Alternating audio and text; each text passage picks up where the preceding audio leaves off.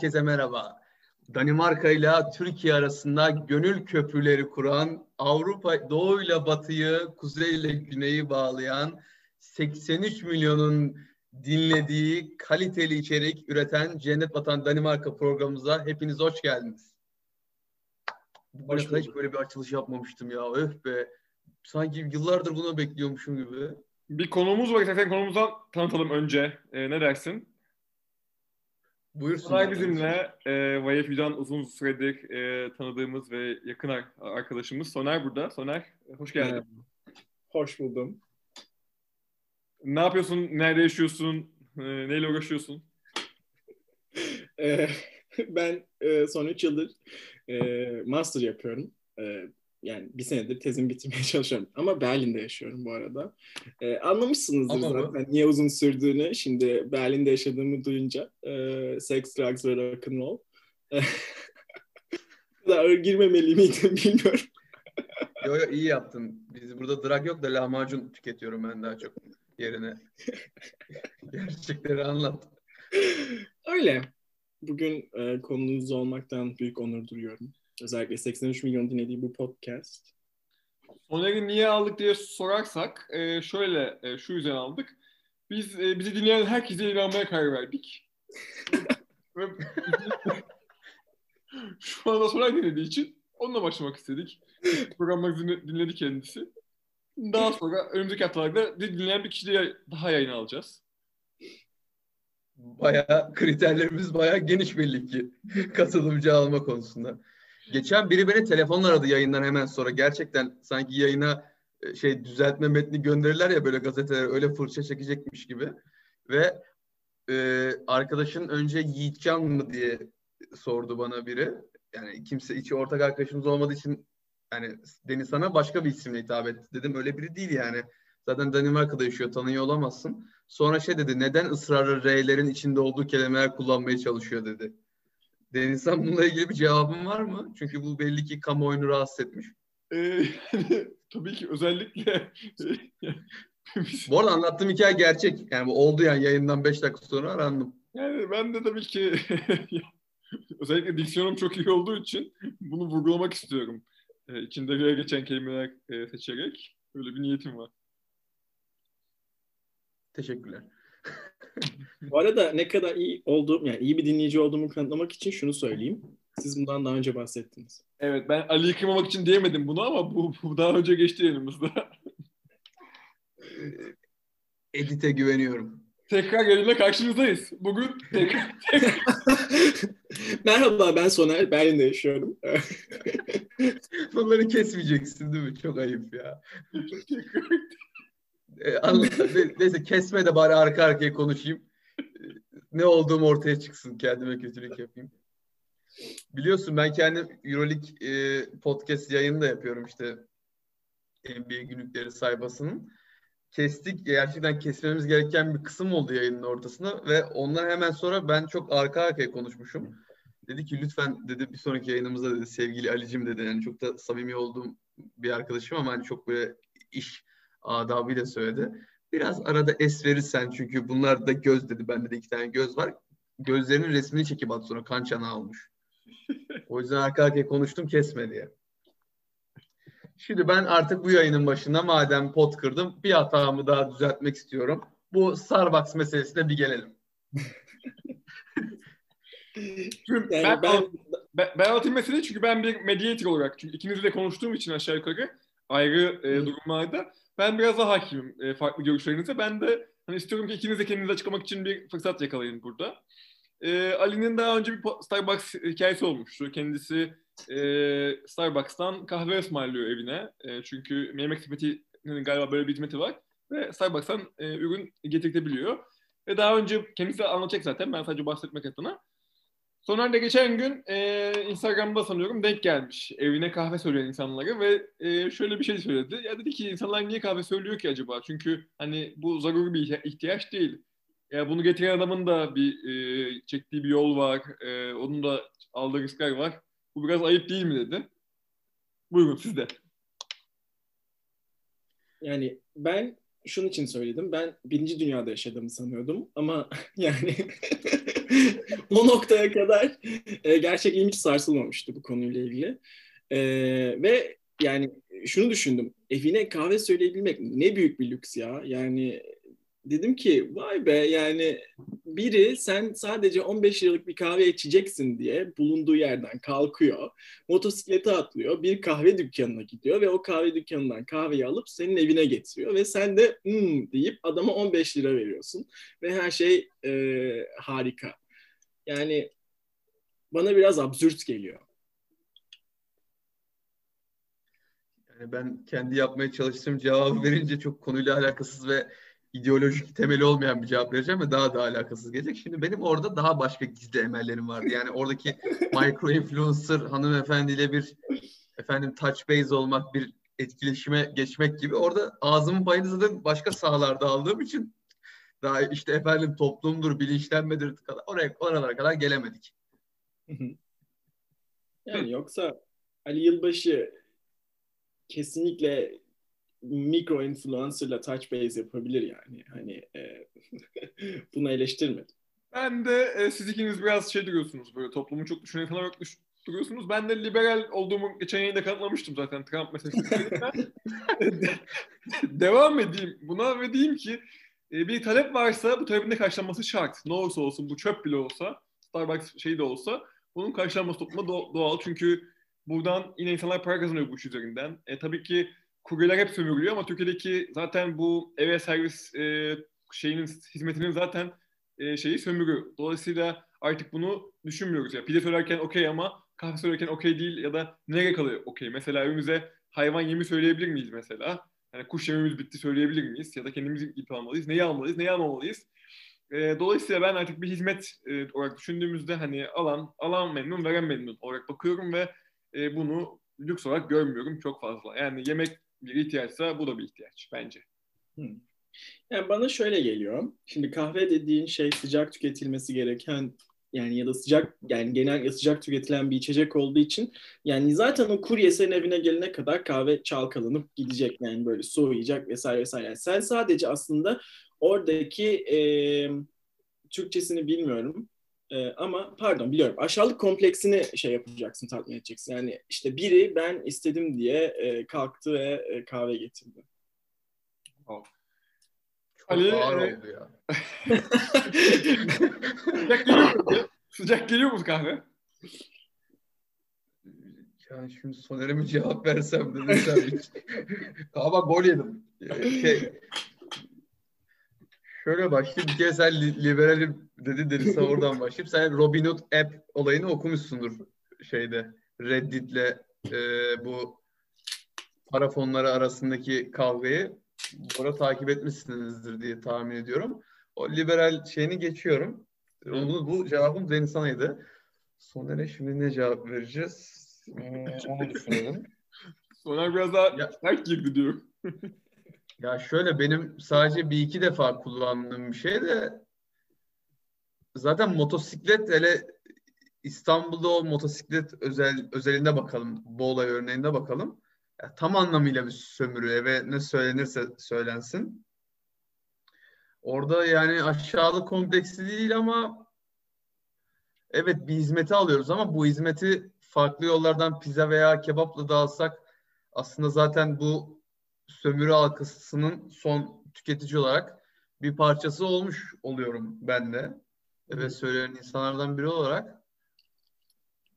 Yani bu şöyle de bakabilirsin ama aşağılık kompleksi denen şey aslında bir markayı alırken hep o e, markanın sana hissettirdiklerini satın alma durumu var ya. Tabii. İşte böyle yani normalde çok ucuz pahalı bir restorana gidip sadece su içsen de atıyorum zorlu bir yere gittin sadece su içsen de mesela ona 50 lira yazıyorlar. Niye? Senin o oradaki o kaliteyi, o diğer insanlarla olan etkileşimini sana sattığı için aslında o parayı öyle koyuyor ki sen yani belli bir kesimin altı rica edeceğim gelmesin demenin şekli. Sonuç yani bir alımla ilgili herhangi bir konuyu çok farklı motivasyonlarla değerlendirebilirsin. Ya öyle bir kompleksim yok ama cevap olabilir. Evet. Genel insanların motivasyon olarak. Yok ben zaten hani e, senin özelinde konuşmuyorum bu konuyu. Yani genel olarak Türkiye'de bu e, işte eve söyleme çılgınlığı ve marka çılgınlığından söz ediyorum. Yani yiyecek, yiyecek e, meşrulaştırılabilmesi daha kolay bir e, ürün yani söylendiğinde. Çünkü sen evde ne bileyim e, Domino's kadar iyi pizza yapamıyorsundur ya da o tarzda bir pizza yapamıyorsundur. Ama yani kahve e, zaten e, sosyal bir içecek. Sen sadece e, ben evimde kahve içmiyorum. Ben kahvemi de Starbucks'tan söylüyorum. Yani e, bu öylesine içte bir yerde bir şeyleri doldurması gerekiyor ki yani işte hem Starbucks adına bir şey dolduruyor. Yani ben Starbucks içiyorum. Hem ben evime Starbucks söyleyebiliyorum. Hem ben bunu gösterebiliyorum. Yani e, bu birçok açıdan aslında seni e, tatmin eden, e, ama tatmin etmemesi gereken bir durum.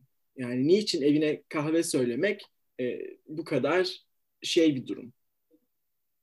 Kutlanılan, kutlanılan bir durum. Neyse çok bu konu üzerinde konuşmayalım. Çünkü e, işte birinci dünyada e, burada yaşadığımız yerde kuryeler bu kadar e, şey olmadığı için mesela birinci dünyaya selam gönderdim de kameradan yani, ona şu an gülüyor Soner arkadaşımız.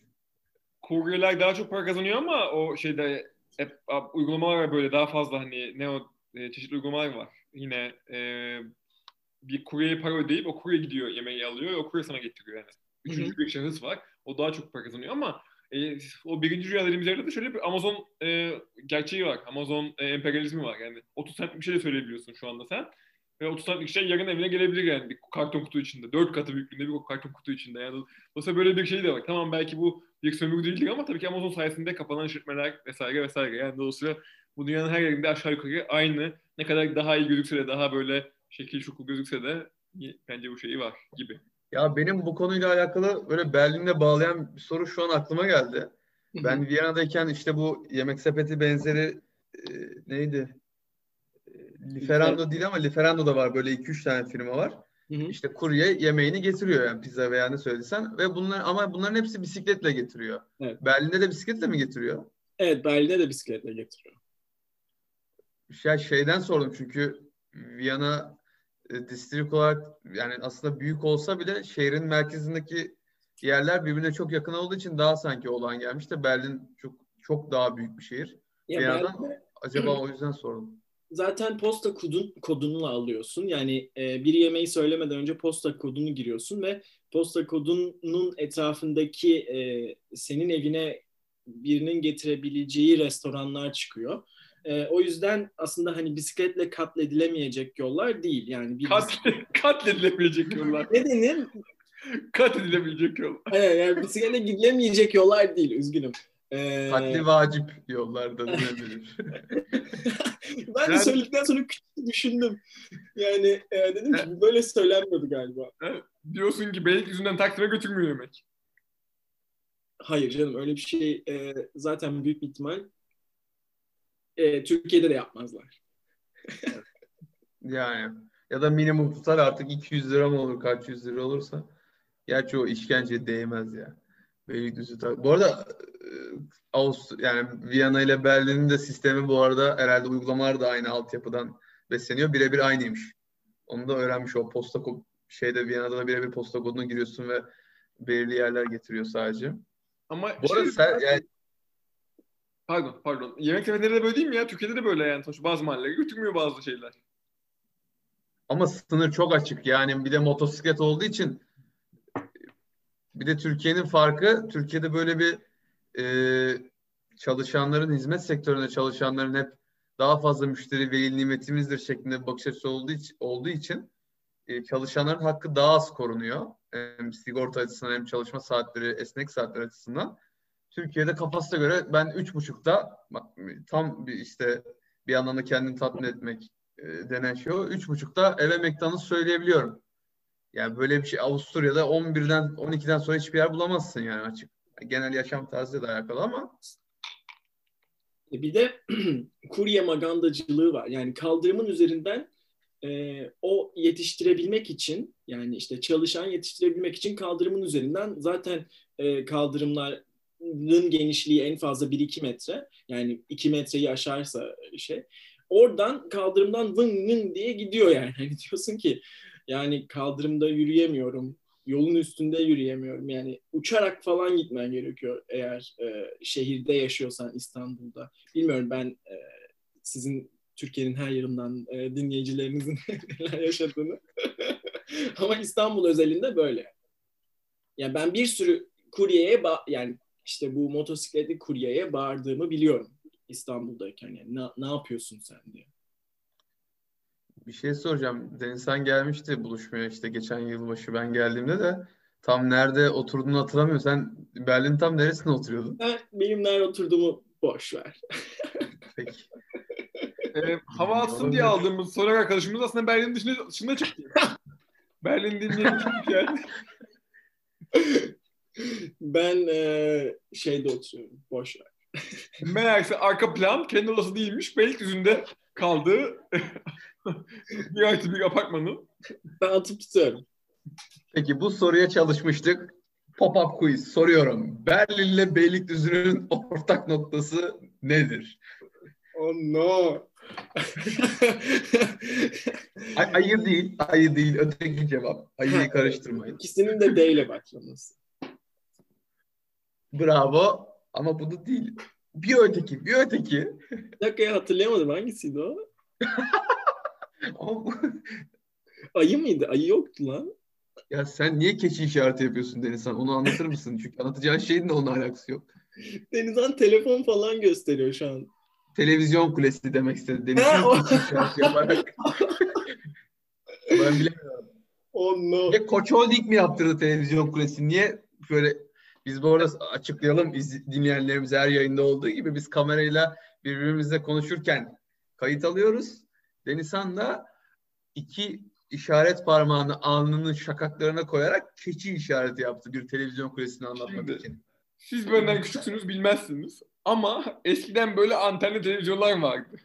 Ya. Denizhan, Benim küçüklüğümde evinizde antenli televizyon var mıydı? E, bizim hep kablolu televizyonumuz oldu. Bu konuda ama quick, quick introduction. Peki e, size sorayım bunu. Yani televizyonu nasıl şey yaparsınız? Nasıl açıklarsınız e, şey göster göstererek? Böyle mi açıklarsınız? Bu televizyon- Şeytan kutusu. Hayır canım sus konuşmayacağız. Hayır. Tatsız ya. Elle tarif ederek. Aha böyle. ya o Ali mesela Edebim müsaade etmiyor hareketi göstermeye. Ali mesela NBA programı yaparken Kobe Bryant'ın anmasında buna üçgen dedi mesela. Dedim mi? Evet. Eğer ben böyle bir şey dediysem yazıklar olsun. Evet. Dolayısıyla yani bu da televizyon değil yani. Televizyona başka bir şekilde de kusura bakmayın ben de böyle anlatabildim. Üçgenler, kareler havada uçuyor ama bir tane bile LCD'ye benzeyen bir şekil görmediğim için. Ya ben aslında dikdörtgen yapmaya çalışmıştım ya. Elle Yani olmuyor. şimdi daha bir oldu. O zaman şöyle falan yapsak. Çiz bari. Yaklaşıyoruz, yaklaşıyoruz. Bunlar Merkel gibi yaparak Benim burada kanıma girdiler. Almanya'da olduğunu belli etti. Evet. Sonra yalnız 2'de 0 gidiyorsun şu anda. Hem yaşadığın yer olarak cevap veremedin. Hem de televizyon kulesi, bilemedin. Üçüncü yanlışta atıyoruz seni yayından. Oo. Ya Tamam, o zaman dinleyenimize şey böyle muamele edemeyiz. Daha basit bir şey sorun da. E, basit bir şey. em, em, basit bir şey sorar mısın Ali Berlin'le? Gerçekten soramadı.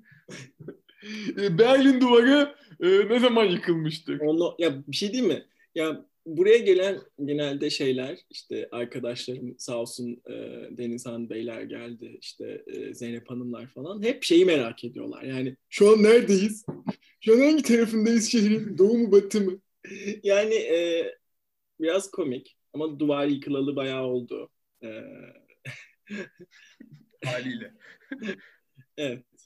Ben bunu niye anlattım bilmiyorum. Ama bizim gibi sıradan insanları böyle e, ufak tefek şeyler görmek, e, hala izlerini görmek sev- sev- şaşırtıyor ve sevindiriyor aslında bakarsan. Evet. Evet evet zaten birçok şeyden fark ediyorsun. Ee, geçenlerde işte bir fotoğraf yayınlandı. Berlin'in işte uyduyla çekilmiş bir fotoğrafı. Ee, Batı ve Doğu arasındaki şey ışıklar farklı yani ışığın tonu farklı sokak ışıklarının. O yüzden öyle bile görebiliyorsun aslında. Hmm. İşte entelektüel temalar. Bence geçti çünkü sınavımızı geçti. Cevap veremedi gerçi kaç yılında yıkıldığını ama geçti. 89. Bravo. Bu da, bu da sana gelsin Denizhan. yani ben zorlayacak mı diye düşündüm Denizhan. Cevabı almak istiyor mu e, diye. Kendimi atıyorum yayından. Dur gel daha okuduğun kitabı anlatacaksın. Nereye? Karmaşık şeyler okumuşsun. Daha onu anlatacaksın. Öyle kaçmak yok. Yok buradayız. Kaçmıyoruz. Ee, biz Soner'le e, şunu konuştuk. E, şöyle bir planımız vardı. E, yalnız linç yemekten korkuyoruz biraz. E, programla ilgili. Çünkü hani sen tamam sen belki tahammül edebilirsin bize ama linç olmasını istiyoruz. Yani, tamamen şaka anlamıyla. Şimdi kimseyi böyle hani nazar değdirmek istemiyoruz kendimize. Ee, birinci dünya problemleri. Yani böyle ya derdini derdin bu muymuş? Yapma ya derdini e, seveyim e, tarzı şeyler konuşmak istiyoruz. E, mesela Soner Belli ne yaşıyor? Ben burada ne yaşıyorum? Ne tip problemler yaşıyorum? E, bunları konuşalım diye düşündük. Belki Ali de İstanbul'dan bakan bir birey olarak ya, Silivri'den bakan biri olarak ben birinci dünyada bulunmuyorum ama yine de e, uyum sağlamaya çalışırım. Ya da küfür edebilirsin. Dersin ki yok artık diyeyim. Bu 8. bölümümüz. 8 bölümde şunu fark ettim. Bundan önceki 7 bölümde. Çok iyi dinleyicilerimiz olsa da Soner gibi birkaç e, tane daha bizi taneyle ancak sayabiliyorum. Çok sıkı dinleyen arkadaşımız olsa da arkadaş sayım galiba gittikçe azalıyor. Bugün de lütfen dibe vurmasın. Ona göre konuşursak. Öyleyse biz şey yapalım. Temayı tersine çevirip Avrupa hani Avrupa'yı Türkiye'nin kıskandığı bir mekan olarak açıklayalım. Hani e, bu burada yaşamanın zorlukları. Mükemmel bir plan ya. Böylece hepimiz arkadaş kazanırız. Evet. Çok doğru. Kesinlikle. İstersen e, ben başlayabilirim falan. Başla, lütfen lütfen. ya bu insanlar genel olarak çok e, şimdi burada kesersiniz ama self-righteous ne demek? Doğrucu mu diyelim? E, kendi bildiğimci. Ben en doğrusunu biliyorum evet. Aynen. Ve bu e, çok zor karar vermelerine yol açıyor. Yani ben aynı sözlük anda... alıp geliyorum. yani e, al, genel olarak Almanya adına söyleyeceksem e, aynı anda hem işte kendi bildiğim doğru hem de herkesin sözü dinlenmeli e, ideolojilerine inandıkları için karar vermek inanılmaz zor bir e, şey alıyor. Yani kimse işte e, bir şey yapılmadan önce e, tamamen konuşulmadan karar vermek istemiyor ve toplantılar örneğin işte profesyonel hayatta ya da işte okulda bir sunum yapacaksın. En küçük ayrıntısına kadar saçma sapan şeyleri konuşuyoruz. Yani o kadar zamanım gidiyor ki bazen şöyle hissediyorum. Yani Türkiye'de olsaydım şu an bunları konuşmuyor olacaktık ve e, herkes evinde işini yapıyor olacaktı. Ve bu beni çok yoruyor. Yani psikolojik olarak. Evet ya ben de aşırı ya ben de gireyim belki e, Ali e, söz vermeden. Burada burada da toplantılarda mesela çok demokratikler ve bu can sıkıyor bazen. Çünkü karar alma süreci çok e, aşırı uzuyor. Çünkü herkes kendi görüşünü belirtmek zor, zorunda hissediyor kendini. E, ve e, müdüriyet bile net bir şey söylemekten sürekli kaçınıyor. Yani sen söylüyorsun, o söylüyor, o söylüyor, uzuyor, uzuyor, uzuyor. Halbuki dediğim gibi Türkiye'de olsa e, belki bir dakikalık bir şey burada oluyor 10 dakika. Yani ben daha siyaseten bir cevap vereyim. Burada geride kalmamın nedeni e, Soner'in hala yüksek lisans hala demem kötü oldu. Soner'in yüksek lisans tezi için çalışıyor olması özür dilerim. E, Denizhan'ın da bir e, kurumda e, ciddi bir kurumda çalışıyor olması. Ben nacizane öğrenci olarak genelde bulunabildim lise ve e, üniversite düzeyinde. Dolayısıyla iş hayatındaki toplantıların gidişatıyla ilgili çok bir fikrim yok ama genel gözlemim bu şekilde. Hep e, şeye benzetilir. Demokrasi bir trense e, diktatörlük yüksek hızlı tren denir ya yani biraz bana o lafı hatırlattı.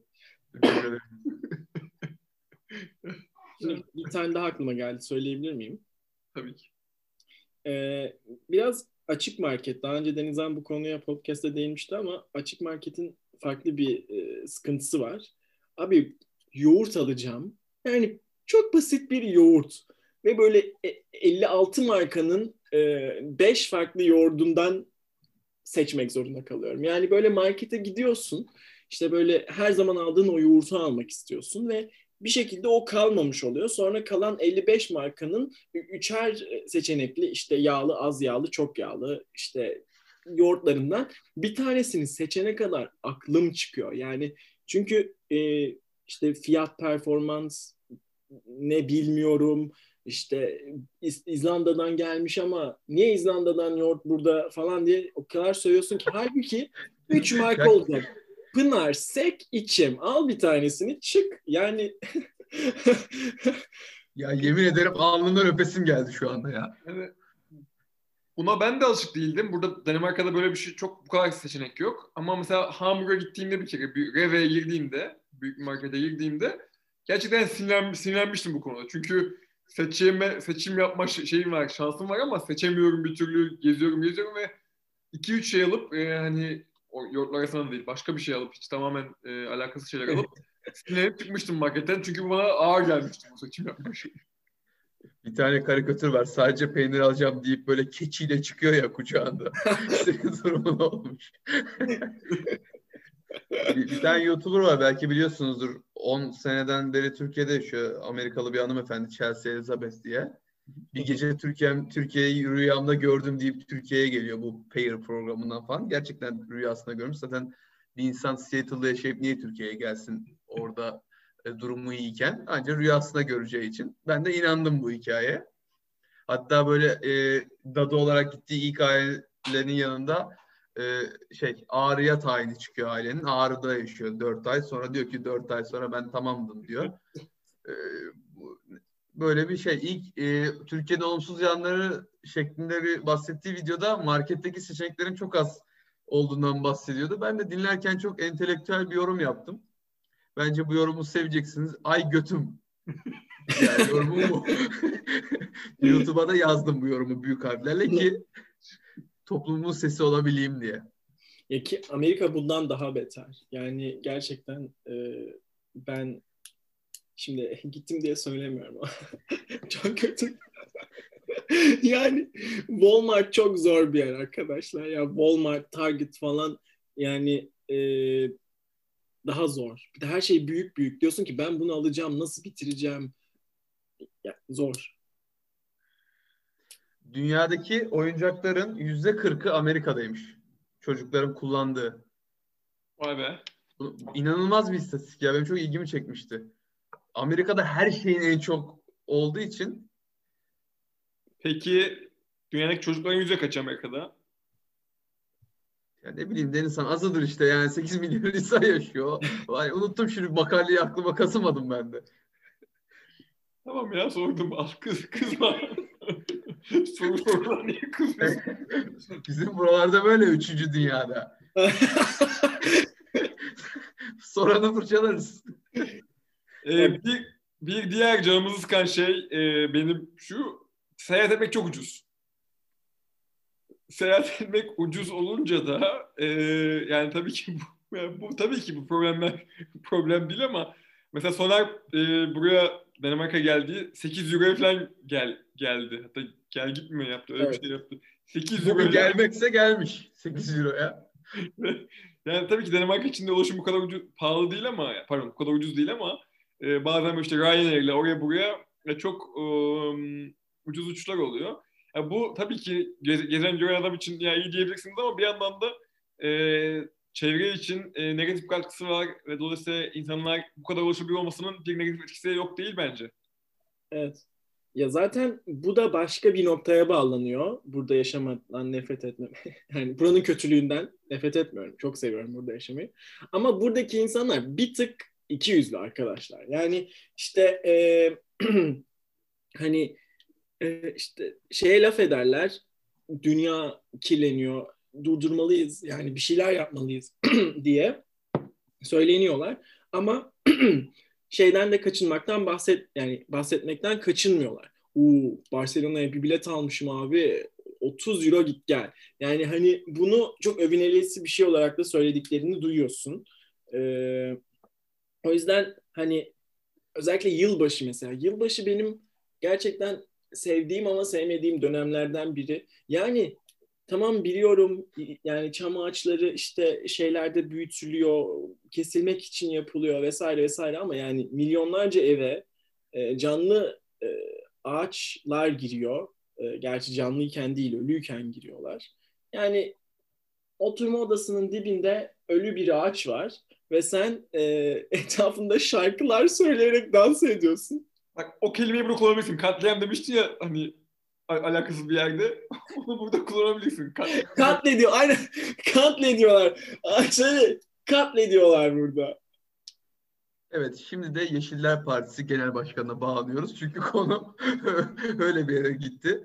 Yani ben size bir yolculuk hikayemi anlatayım. Siz de bu durumdan çıkarmanız gereken bir sonuç olduğunu Ankara'dan kaçak gittiğim Ankara'dan ailemden kaçak git yani yıllar önce yapmıştım bunu. Ee, hayırlı bir iş içindi. Hayırlısı olmadı yolculuk dahil. Onun detayını yayın bitince anlatırım. Ee, 40 liraya bir otobüs bileti buldum ki gerçekten 45 lira param kalmıştı. Adıyaman'dan gelen bir otobüs. Adıyaman bilmem ne bilmem ne firması. Hmm. Zaten otobüse binince otobüs bozuluyor. Yani öyle bir otobüs. Adıyaman üzeri Antep'ten iki tur atıp gelmiş. Artık on numara yağım var, içine ne var bilmiyorum. Otobüse bindik. Ee, teyze ve amcalarımıza, yaşlarımıza hürmet göstererek tabii ben cam kenarı falan her tarafı bir takım aile fertlerine verdim. Uyuyanlar, çoraplarını çıkartanlar falan son derece nezik bir ortam. Gidiyoruz. Tabii ki o Bolu Tüneli biliyorsunuz e, Bolu Tüneli çok stratejik bir nokta. 2007 seçimlerinin kazanılma nedeni iktidar partisi açısından. O Bolu Tüneli tabii ki bir ben tünelden 6 kere geçmem gerekiyordu şu ana kadar. 4 kere yani pardon 2 kere geçebildim. Sürekli o tünelde bir kapanıyor, açılıyor. Bir şey neyse geçemedik. Gene dağa tırmanıyoruz. Az gittin, uz gittin, dere tepe düz gittin. Efendim otobüste bir e, bir duraksama, bir tıkanma. Tabii ki otobüsümüz istop etti. Gece iki buçuk. Dedim indim ben de kurtlu olduğum için zaten otobüsün içinde fenalık basmış. İndim. En son olan durumumuz şuydu. Muavin bana tornavidayı uzatır mısın derken ben alet çantasını tutuyordum. Allah bak bir buçuk saat falan sürdü bu durum. Otobüsü çalıştırdık. Diğer taraftan lastik çektik motorun oraya falan. Ee, dayanışma içerisindeki e, dayıların biri de ne oldu orada deyip ağza sigara falan o tarz bir ortam. İçiyordu. Neyse sağ salim evimize geldik. Tabii ben o ayazı yediğim için Bolu Dağı'nın ayazını bir de hasta oldum. Yazın ortasında. Ağustos'un 10'u muydu neydi öyle bir şeydi. 40 liraya hem nezih bir yolculuk. O, o dönemdeki euro içinde 8 yani euro o kurlardaydı. 5 sularındaydı diyeyim. Hem nezih bir yolculuk hem e, Türkiye'nin her türlü aile bağıyla bir samimiyetim oldu. Dayılar, amcalar, eltiler zaten otobüse iki aile binmiş. Ben sonra keşfettim. Herkes aynı aile. Bir kısmını Düzce'nin orada falan bir yerde indirdik falan. Öyle başka bir rotaydı. Peki bu insanlar Adıyaman'a mı gidiyordu? Yok Adıyaman'dan geliyor bu insanlar. Ya sonra batıya sen göç batıya Ankara'dan İstanbul'a gidiyoruz. Ha sen Ankara'dan İstanbul'a gidiyorsun. Ben İstanbul'dan Ankara'ya gidiyorsun sandım. İstanbul'dan Ankara'ya bir şekilde gittim işte. Otostop falan çekip de işte dönüşte bir hemen bir gelme. Adıyaman'ın güzide otobüs firmalarından bir adını unuttum şimdi firmanın. Zaten reklam almamıştık.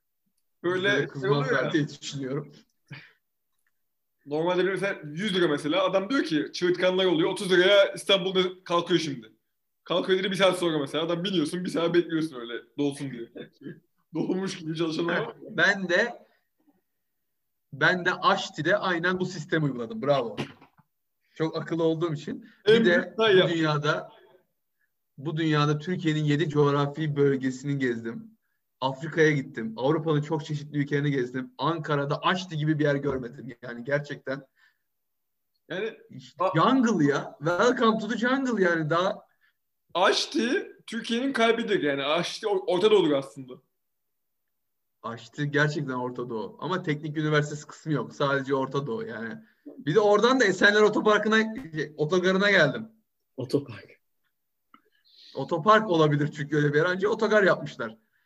Ben de bir kere İstanbul'a gelirken bütün Sakarya, Kocaeli, bütün he- oralara Bolu hepsinde durduk gez. gez. Peki ona da 8 euro mu ödedin? Öyle bir şeydi evet. 8 euro. Gördün mü bak. Böyle durumlarda hiç çevre kirleniyor mu gibi bir derdin yok. Yani evet bilmiyorum bana e, bu şey bu kadar ucuz da olması bir şeyin tehlikeli geliyor. Hele Türkiye'de zaten daha tehlikeli de. Evet. Bunun dışında e, bir daha kötü bir şey anlatayım. Ya bu insanlar bir tık hiyerarşik olmadıklarını söylüyorlar. Yani işte böyle bir işe giriyorsun. işte flat hierarchies, işte böyle büyük laflar, işte büyük e, ideolojiler, şeyler, söylemler. Ama böyle işe girdikten sonra bir şeyleri yapmak için hep böyle şefine sor.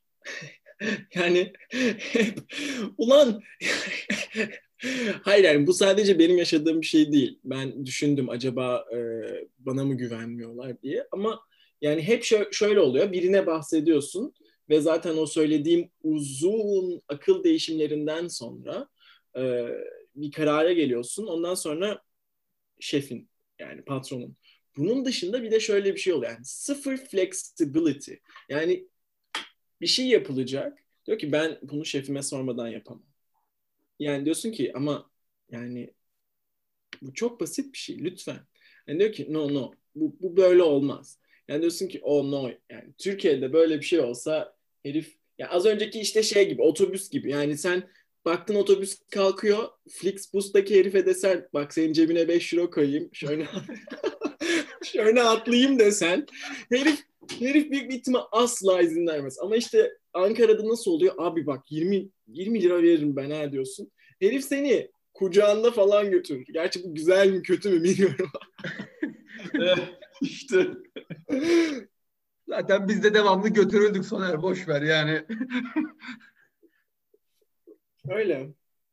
Sen bir şey mi diyecektin Denizhan? Yok ya bu biraz şey benzemiyor mu? Türkiye'de de mesela biraz hani memur bir işin çözülsün diye memur gidersin ve kimse, kimse bir şey bilmez ya. Hani bir şey sorarsın.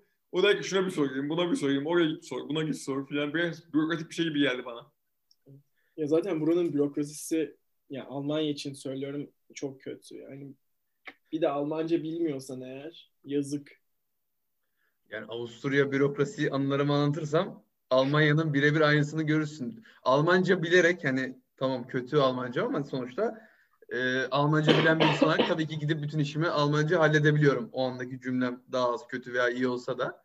Diyorum ki eğer Almanca bilmeseydim ne yapacaktım diyorum. Ve daha yani bir cevap karşıdan. Almanca bilen biriyle gelecektin diyor. İşte zehir gibi bir beyin. Ama burada kişisine göre şeyde şey cevabı geldiği de oluyordu. O zaman Almanca öğreneceksin. İkiniz de Almanca bildiğinize göre yayının kalanına Almanca devam edeceğiz. ben, Abend, Damen und Herren. Wie gut sind Sie? Ganz herrlich. Ganz herzlich. Ben bugün şeyde konuşamıyorum. Başka dilleri de. Yo Türkçe'de gayet iyisin şu ana kadar. Az önce e, akletmeye neydi? Ha. Doğru. Ben bugün hafıza kaybı yaşıyorum ya. Aynı hikayeyi iki kere anlattım. Demin konuştuğumuzu unuttum. Anne. Cumhurbaşkanı kim? Bilemedim, bilemedim. Kenan Evren falan. Kenan Evren. Oha baya yaşamadığı bir döneme gitmiş. daha yaşıyor. Oha, çok kötü. Ali sen şey bilir misin ya? Groundhog Day, Day diye bir film var. Şey oynuyor. E, Bill Murray oynuyor. Filmin adını bir daha söylersen. Groundhog Day. Yok bende yok o. Adam her bir gün bir gün var o gün yaşıyor sürekli ve her gün aynı gün yaşıyor. Sabah kalkıyor Tabii. aynı günde. Sabah kalkıyor aynı günde. Ha, ilk 50 öpücük gibi bir şey. Evet ama daha güzel. İlkeli öpücük dandik bir aşk filmi. Ya sana ben belki dandik aşk filmlerini seviyorum. Olamaz mı ya? Ya sana kötü Toplumu kapı etkileştirme. Denizhan, Denizhan şey yapıyor. Alt kültür, üst kültür farkı yapıyor. Yani e, ne yazık ki böyle yetişmiş. E, Bir kere ilk 50 öpücükte hafıza kaybı yaşıyor. Bu benim söylediğim filmde adam adamın, şeyi yerinde ama aynı günü yaşıyor. Yani adamın bilinci tamamen yerinde kalkıyor aynı gün Allah kahretsin aynı gün yaşıyorum diyor falan böyle.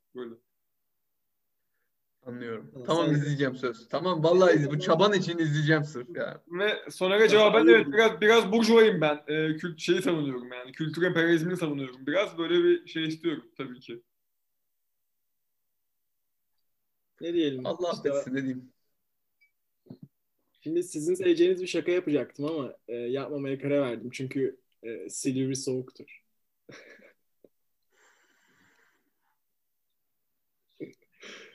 Ya ben, ben çok siyasi şakalar yapamıyorum. Çünkü geçenlerde şunu fark ettim. Ben sanırım anti politiğim. E, bu arada tezimi e, yani uluslararası ilişkilerden ya- yazmam dışında bir soru- sorun yok.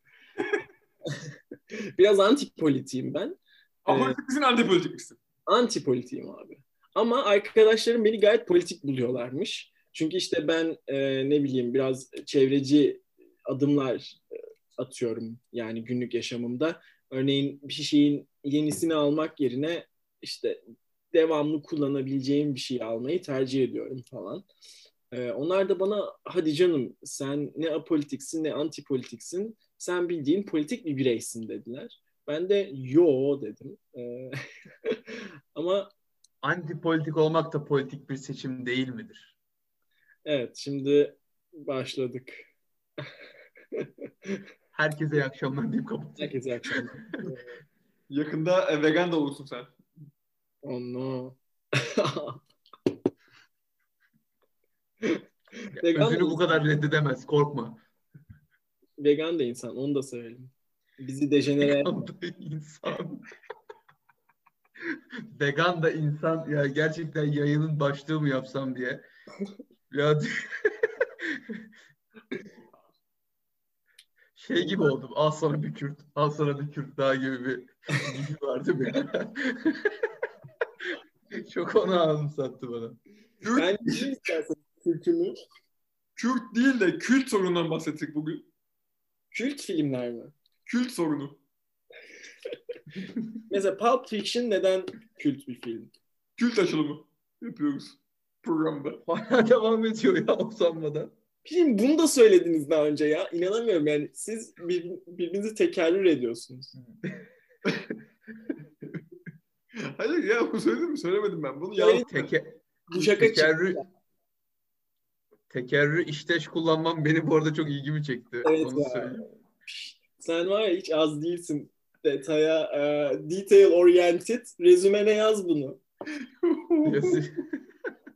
Esra biliyorsun Alper'in reboundunu almıştım altyazı konusunda.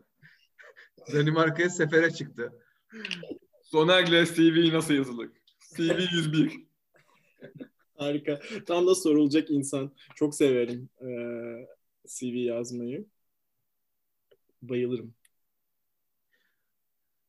Benim deminki bu arada demin bir şakam vardı onu da unuttum bak şimdi aklıma geldi. CV konusunda geleceğiz ama unutmadım. Demin ben Kenan Evren dedim ya bir anda. Yaşamadığım bir dönemi Cumhurbaşkanını söyledim. Bu Christoph Kolomb gibi bir şey değil miydim o anda? Gitmediğim bir yerle hiç gitmediğim başka bir yeri kıyasladım. Amerika'ya gidip Hindistan demem gibi bir şey değil miydi? Biliyorsun ikisine de gitmişti yok ilk çıktığında. Türk olsa dalga geçersiniz. Şimdi burada beni konuşturmayın. Yani Burada gülmeniz evet. gerekiyordu ya. Bu Çok kötü oldu. Yani Burada bir yerde gülmeniz gerekiyordu. komik olan sanırım gülmeniz gerekiyor demendi. Yani buradaki en komik şey en azından benim için. Çünkü Bir de sonuçta adam Hindistan'ın nerede olduğunu aşağı yukarı biliyor mu? Harita var yani. Hindistan'a gitmeye çalışıyor zaten. Sen Kenan'a gitmeye çalışmıyorsun ki. sen sanırım şey yaşadın. E, CV konusuna dönelim. CV konusuna dönelim. Beden dışı bir deneyim yaşadın. Hani böyle bazen e, İngilizce buna out of body experience derler ya. Yani e, beden dışı bir deneyim yaşadın burada. Ali Baş'ını kay- kaybettik galiba. Ha, kaybetmemişiz ama Ali'nin sesi gelmiyor. Kamerası dondu. Duyuyor musunuz? Duyuyoruz. Kameran dondu ama. Ha. Geldi. Biraz çalkalayayım kendimi. Geldi. Şey astral seyahat gibi mi dedim de o arada gitmeyen sorum sanırım buydu. Yok hani işte artık kendi bedeninde değilsin. Ee, farklı bir... Evet aslında astral seyahat ya. Astral meyahat. Ama geçen e, şeyle ilgili bir documentary izledim. Documentary. Ya abi, bazen zor oluyor ya. Ee, ne deniyor ona Türkçe? Ne, belgesel. Belgesel. Belgesel izledim. Ee, kendimi şu an Sunny Side Up gibi hissediyorum. Çok kötü ya. Yani ee, geçen bir belgesel izledim. Ee, işte şeyden söz ediyordu. Küçük çocuklarda görünen reenkarnasyon şeyi, söylemleri. İşte küçük çocuklar 3 ile 5 yaş arasında konuşmaya başladıklarında işte böyle e, ben eski hayatımda şunu yapıyordum, ben eski hayatımda böyleydim ya da işte beni şuraya götürün, beni buraya götürün diyorlarmış. İşte reenkarnasyonun gerçekliğine inandırmaya çalışan bir e, şeydi, belgeseldi. Sanırım seninki de öyle bir şey Ali. Biraz geç geldi. Ama sanırım sen Kenan Evren döneminde öldürülen, ölen e, bir bireysin. Ve bir anda şey Freudian bir şekilde ağzından çıktı bu. Ee, seni rüyalarında da büyük bir ihtimal rahatsız ediyordur. Ee, istersen konuşabiliriz farklı bir günde. yani hiç Kenan Evren diye ağlayarak... Ben bu dünyanın çilesini Hayır da ben bu dünyanın çilesini yaşamaya mı geldim? Yani bir, hiç Beverly Hills'te doğduğum bir dönem yok mu ya benim? Ya niye böyle oldu falan. Havyar falan. Yok böyle şeyler. Hep dayak yiyoruz yani cezaevi, karakol. Bilmiyorum ben diğer hayatlarımı düşündüğümde Beverly Hills geliyor mesela. İşte şey geliyor. Beverly. Beverly.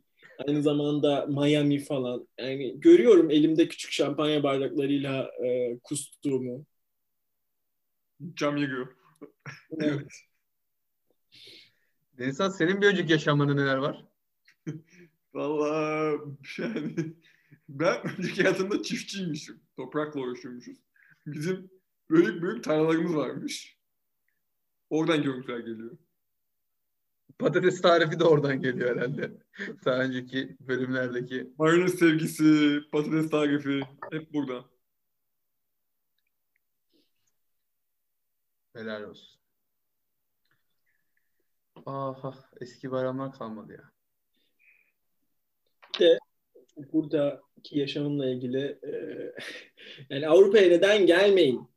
Burası neden bu kadar kötü diye düşünecekseniz eğer abi paran çok değerli. Yani harcamaya kıyamıyorsun. Nasıl ya? ya bir dakika, bir dakika. Para o kadar değerli ki e, bir şey gördüğün zaman şunu diyorsun. Ulan bu buna değmez yani. Ben bunu almam diyorsun. Sonra işte ne bileyim Türkiye'ye gidiyorsun. E, işte başkalarının çok pahalı bulduğu bir şey diyorsun ki abi bir dakika ya bu ne kadar ucuzmuş diyorsun. E, ha, pardon bu kötü olacaktı. Ama genel genel olarak böyle Çok kötü çok.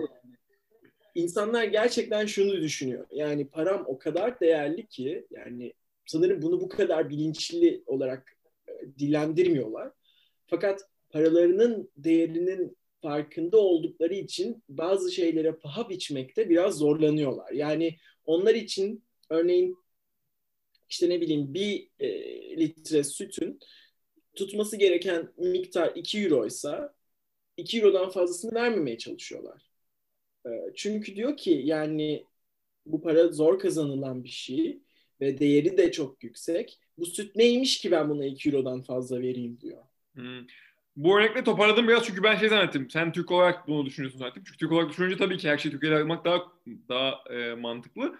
Ama ikinci söylediğin hani herkes için, orada yaşayan herkes için geçerli olduğu için biraz daha kurtardın kendini. Yoksa ben hani diyecektim ki eğer e, tehdit etmek isterseniz Soner'i e, ya da ölümle tehdit etmek isterseniz benim üzerimden ulaşabilirsiniz. Ben e, yönlendiririm e, diyecektim.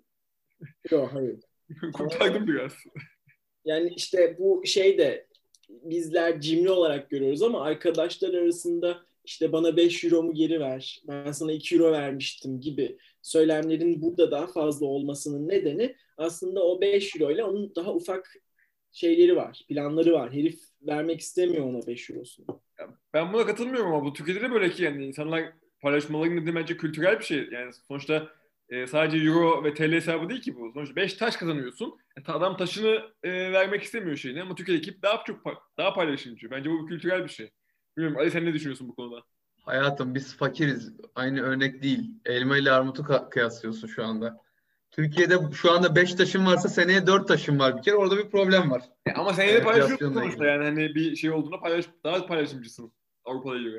Adam evet yo, zaten öyle de e, ya o çok derin bir konu olur. Sadece paradan bağımsız bütün aile yapısına kadar girmem gerekir de şunu söyleyeyim. Yani Alman kültürünün benim üzerindeki en büyük etkisi kesinlikle bu para mevzu ve ben de kendi arkadaşlarıma göre çok kaliteli bir cimriyim. Çünkü o kuruş hesabı bende de var. Yani ya elim gitmiyor ya. Bugün gittim duş jelini ucuzuna aldım. Ya inanamazsınız.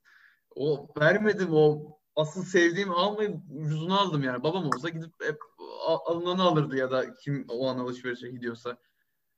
O kesin bende de etkisi olduğu için şu anda Silivri'de bulunmama rağmen Soner'i çok iyi anlıyorum. ya şimdi ben bu daha kültürel bir şey çünkü eğer öyle olsaydı zaten Türkiye'nin ekonomisi kötüye gittiği için sana daha az paylaşımcı olması lazım ama daha az paylaşımcı hale gelmiyor e, Türkiye'de ne olursa olsun. Nereden biliyorsun bunu? Hissettiriyor. Sonuçta Türkiye'de mesela biz 10 sene önce de mesela hesabı ayrı ödediğimizde bunun adı vardı. Alman hesabı diye. Alman evet. usulü diye. Değil mi? Yani bu vardı hani bu şeyde vardı. Çünkü bu pek yapılmazdı. Hani bu yabancı bir şeyin e, getirdiği bir şey olarak görülmüştü. Bence e, bu biraz daha ya da belki de şeyden de geliyor bilmiyorum. Geleneksel olarak hani e, biraz daha köye gelen bir şeyde değiş tokuş usulü e, hani trading dediğin şeyin daha fazla şey olmasından belki daha popüler olmasından Türkiye'de daha az bir gelenek bilmiyorum. Ya da mesela ne bileyim komşu mesela bir şey yaptığında yemek yaptığında yanındaki komşuya götür, götürüyor ya da alt komşunun komşuna kopmuştur diye götürüyorsun. Bilmiyorum bu şeyde var mı? Sonuçta Almanya'da düşündüğünde o zaman bu buna para olarak baktığında e, paran gidiyor cebinden. Çünkü sen niye yemeğin yarısını ya da bir keki yapacaksın ki onlara? Evet. Ama bu e, evet biraz kültürel şey de var. Yani Türkiye'de daha çok komün yaşama alıştığımız için yani bireyler işte e, çoklu ailelerle, kalabalık ailelerle yaşadığı için e, bunun buradaki yansıması bireysellik. E, burada herkes kendi bacağından asılır, kendi parasını alır ve harcar. O yüzden birey kendi hak ve özgürlüklerine sahip çıkmakla zorunlu olduğu için e, üçün beşin lafını yapmaya daha alışık. E, ama Türkiye'de birey kendi hak, özgürlük, mal ve mülkünün tamamen işte aileden gelir işte ya da ne bileyim e, arkadaşlarla paylaşırım algısıyla büyüdüğü için e, yani bugün onda yarın bende ama evet. biz hep birlikteyiz. Evet. Görülüyor.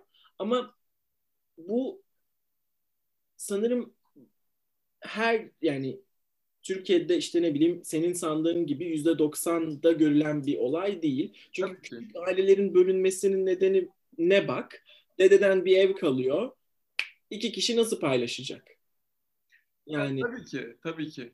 Ama ya şu, şunu diyorum yine de ben hayatımızda hepimiz en azından Türkiye'de böyle yani illa ki bir otobüs yolculuğunda birisi bir kek uzatmıştır. İlla ki gittiğin bir yerde bir şey ikram edilmiştir. Ya da mesela arkadaşının arkadaşıdır ama sana yine bir işte bir şey, yemek yemek yerken sana da sorulmuştur. Ya da kapını çaldığın bir ailede mesela ne bileyim bir şey gönderip annem bir şey göndermiştir. Onlar sana gel otur yemeğe kal demişlerdir. Hani ya da ikinci yemeğini yemişsindir hayır diyemediğin için çoğun yani bir yerde mutlaka. Bunu hepimiz yaşamışızdır. Hatta dinleyenler de evet. yaşamıştık en az bir kere. Yani hani bunu Danimarka'da bu kadar çok yaşamadım. Bu kadar çok olduğunu düşünmüyorum. Sadece bunu şey yapmak istiyorum. Tabii ki eskisi kadar kalmadı. Bir şey söyleyeceğim. Misafirperverlik dediğin kısım daha riyakar bir şey olabilir de benim iletişim becerilerine güvendiğim için Soner'e bir sorun var. Hiç Alman usulü terimini Almanca birine anlatmaya çalıştı mı? Ben çalıştım yapamadım. Yani ya da yaptığıma tam ikna olmadım hani bu yarı yarıya ödeme şeyini Alman usulü deriz biz Türkiye'de gibi anlatmaya çalışış. Anlatmaya çalıştı mı? Çalıştıysa nasıl çalıştı? Gerçekten çok merak ediyorum. Hiç anlatmadım. Ee, yani çünkü ben burada gayet e, kültüre şey yapmış, e, adapte olmuş bir birey olarak genel olarak e, kendi hesabımı ödemeye hatta böyle kendi kültürümden de bir şeyler katıp ortaya 3-4 fazla bırakayım da hani işte istediklerinde az ödesinler yapan e, biri olduğum için hiç ya bize hesabı aslında bir gün o öder, bir gün ben öderim. E, ve eğer bölünmüş ödersek de bunu Alman usulü deriz diye e, konuşmadık. Burada da hani yakın Alman arkadaşlarım var. Onlarla mesela bazen şey yapıyoruz. Hani ben seni bugün işte kahveye davet ettim. E, ben çağırdığım için sana kahveni ben alıyorum. Bir dahakine de sen bana alırsın gibi bir şey oluyor. Ama inanın şeyi çok duydum. Ee, abi ama şimdi sen beni yemeğe çağırırsan yemek daha pahalı. yani diyor ki ben sana işte 3 liraya kahve aldım ama sen bana en az 5 liraya bir şey alacaksın. Hani bunun hesabını o yapıyor benim adıma. Bu çok tuhaf. Doğru. Yok ben şey açısından sordum. Gerçekten bunu ben de bir kere anlattım ve e, bu da işte geçen sene Erasmus'tayken denk geldi ama sadece böyle kültürel bir şeyi paylaşmak amacıyla yok ben de hakikaten bu konuda çok Almanım çünkü kendi hesabımı öder ve ve Türkiye'de de çok yadırganacak kadar artık oradaki kültürüm edinmişim diyeyim. Ya da o bendeki sıradan bir alışkanlık haline gel- gelmiş. Hatta şey uyum da hiç yoktur it, e, hanımefendilere itici gelecek şekilde e, kimsenin böyle barda içkisini falan da ısmarlamam yani. Çok çok derece pinti ve nalet bir insanım Sen galiba. Ama emin değilim yani. Anlamıyorsun. Bence normal iyi yapıyorsun çünkü. Efendim? Bence iyi yapıyorsun, çok iyi yapıyorsun. İnsanların itliği yüzünden ben çok fazla hesap ödedim böyle. Kalanı e, kalanın bana kitlendiği çok çok olmuştu. O yüzden iyi yapıyorsun ya. Yani beter olsunlar be. Yani kaç kere evet. öyle kaç şeyler harcadım ya. Yani insanlar yok işte ya içtiğinin hesabını bilmiyor. Yani ne yediğini unutuyor alkolün etkisiyle öyle böyle. Hep bana bana kaldı çok olmuştu. Ben dedim ki yani sonuçta işletmeyi yapan da hani bir adamın suçu değil. Ona kalacağına ya da bir kişinin mesela atıyorum şu kadar fazla kalacağına ben de hep araya girmişimdir ama hep bana patladı ya böyle şeyler. O yüzden kötü bir deneyim olduğu için ben de çok iyi yapıyorsun ya. Yürü Berlin. Tamam Denizhan'cığım bir dahakine Seni devam ediyoruz ya. Yani de, de, de, dikkat ederiz. Bir daha seninle buluştuk. Sen değil ama yani en azından insanlar ya ben mesela kendi yediğim işlem ben başkası ödesin istemem asla. Çünkü sonuçta yani niye ödesin ki adamın durum, cebinde para yoktur, durumu yoktur, şey yoktur yani hani ama ben de başkasına ödeme, yediğini ödemek istemiyorum arkadaşım. Hani ben ısmarlamıyorsam, hani de, demiyorsam ki Ali ben seni yemeğe götüreceğim gel. Tamam o zaman siz niye sen içsin ama ya beş kişi yemeğe gitmişiz. Sonra ne bileyim Ali mesela bir buçuk İskender girmiş. Ama bir parası vermiş. Olmaz. Evet. Bir de e, biraz şuna söyleyelim. Buradaki bu bireysellik kültürüne. Yani sen dedin ya Denizhan işte bu bir, bir gün bir yolculukta biri sana kek ikram etmiştir, e, başka biri sana işte su ikram etmiştir. Bunları burada yapamıyorsun.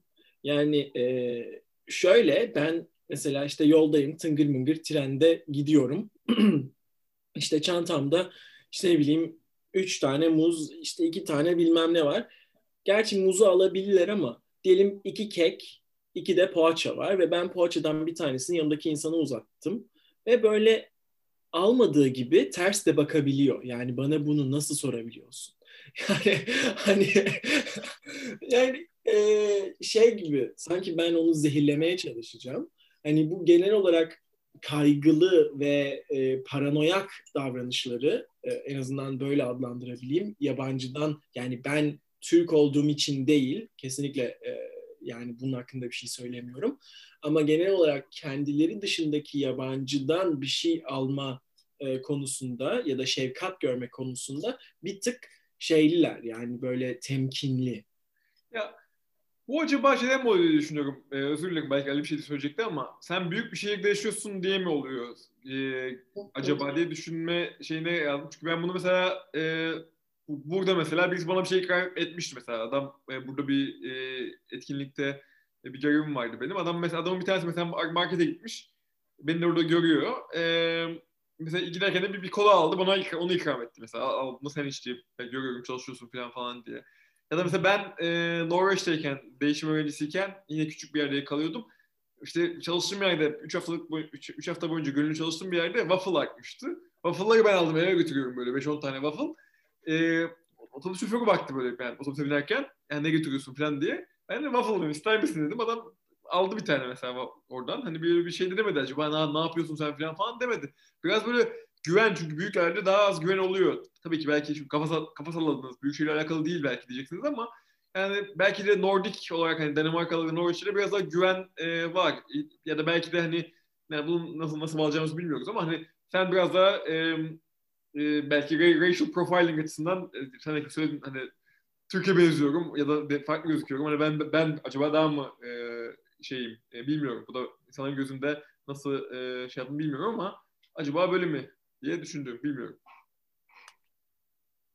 Ama ben bir şey söyleyeyim. Denizhan o kadar nadir bir sana ikram etmiş ki hatırlıyorsun. Bunca sene içinde yani o kadar aslında anormal bir olay. Bulunduğun gerçekliğin dışında. Yani bence yani Soner'in dediğini ispatlayan bir şey söyledim. Bir de ben hiç e, yani ırkla veya milletle ilgili bir şey olduğuna hiç in- inanmıyorum. Hiç öyle bir benim de gözlemim olmadı. Benim e, bölümdeki profesörümün diyeyim, hocamın hocamın diyeyim tam e, bir yaptığı tespiti söyleyeceğim. E, Hollanda'da, Almanya'da yüksek lisans, e, doktora ve şey araştırma çalışmalarında bulunmuş Almanca bilen de biri olduğu için oranın kültürünü yakından tanıyorum böyle sohbet ettiğimizde. Almanya'da herkesin işte yani birebir cümleyi hatırlıyorum çok aklımda kaldığı için kısa bir özeti. Almanya'da herkes kendi cam fanusun içinde yaşıyor. Ama o cam fanusu biraz kıpırdatmaya çalıştığı zaman fanusu kafana yıkarlar demişti aynen bu tonda. Yani benim neredeyse yüzde yüz katıldığım diyorum. O kuralcılıkla özgürlüğün e, o yani kısmı ikisini birden aynı cümlede çok iyi tanım olarak barındırdığı için mesela hiç unutmadığım cümlelerden biridir. Soner böyle anlatınca da o laf geldi aklıma. Bilmiyorum. Ben bu Nordik şeylerde bir tık daha şey olduğunu düşünüyorum. Az, az olduğunu, olduğunu düşünüyorum. Bunu deneyecek bir şeyim yok. Popülasyon yok etrafında. Ya zaten e, çalıştığım insanlarla beraber yaşıyorum gibi aynı köyde. Dolayısıyla bunu denilecek bir örnek, örneklem yok ama e, sanki bir tık daha şey gibi. Hmm, samimi gibi. Burada bir tık daha insanlar e, o cam fanus bir tık daha uzak gibi. Yani şu şeye aldanmasın insanlar. Hani e, özür dilerim e, biliyorum ama hani bu var ya işte yok e, İsveç'te otobüs bekleyen insanlar işte iki metre arayla duruyorlar. Yok işte ya otobüste biri oturuyorsa yanında kimse otur, oturmuyor falan hani bunlar tabii ki bireyselcilik bu biraz daha personal e, space olayı yani alan kişisel alan olayı ama bu demek değil ki bir şey unuttığınızda şey bir cevap alamazsınız. E, e, doğru bir cevap alamazsınız e, demek değil bu. Yani insanlar mesela ay, oldukça yardımsever buralarda da aslında. Dolayısıyla böyle bir şey olduğunu düşünüyorum. E, evet. Son, son bir şey diyeyim. Ondan sonra isterseniz e, Ali'nin dediğine şey yapmak için e, bu cam fanus hem de güzel bir yerde noktalarım.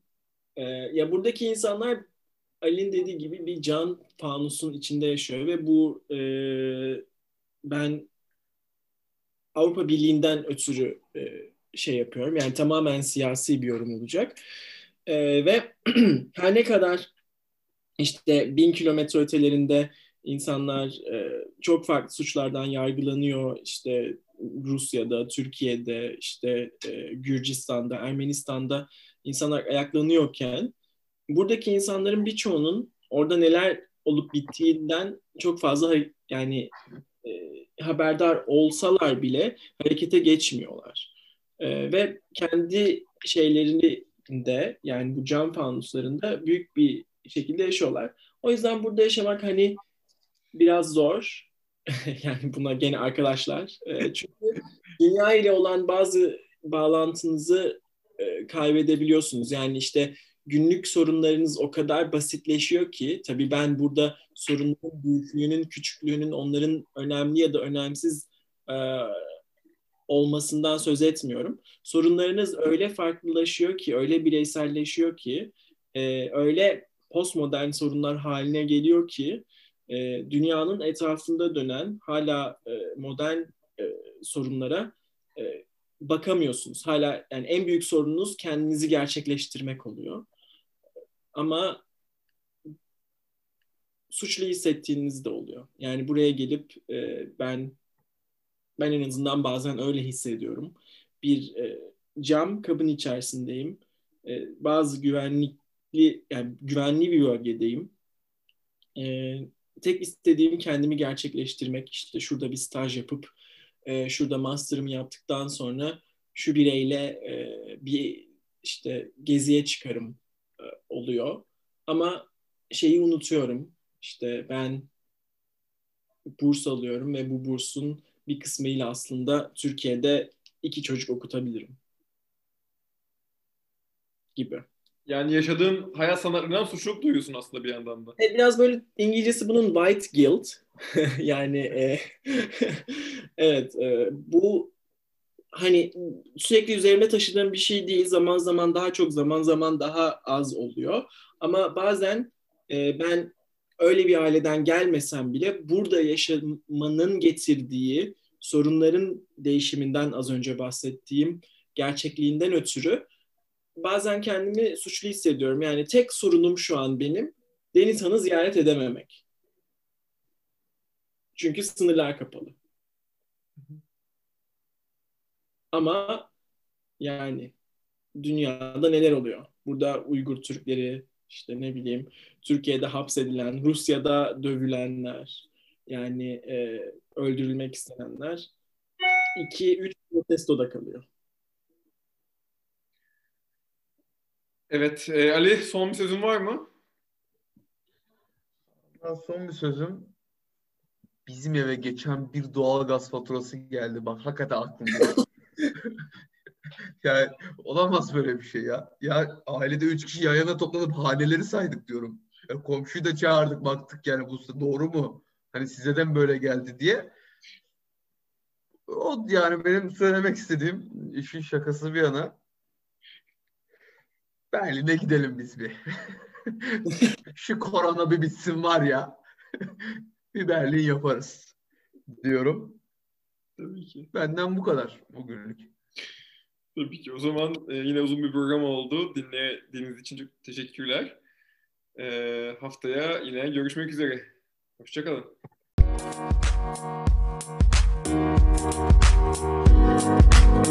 Thank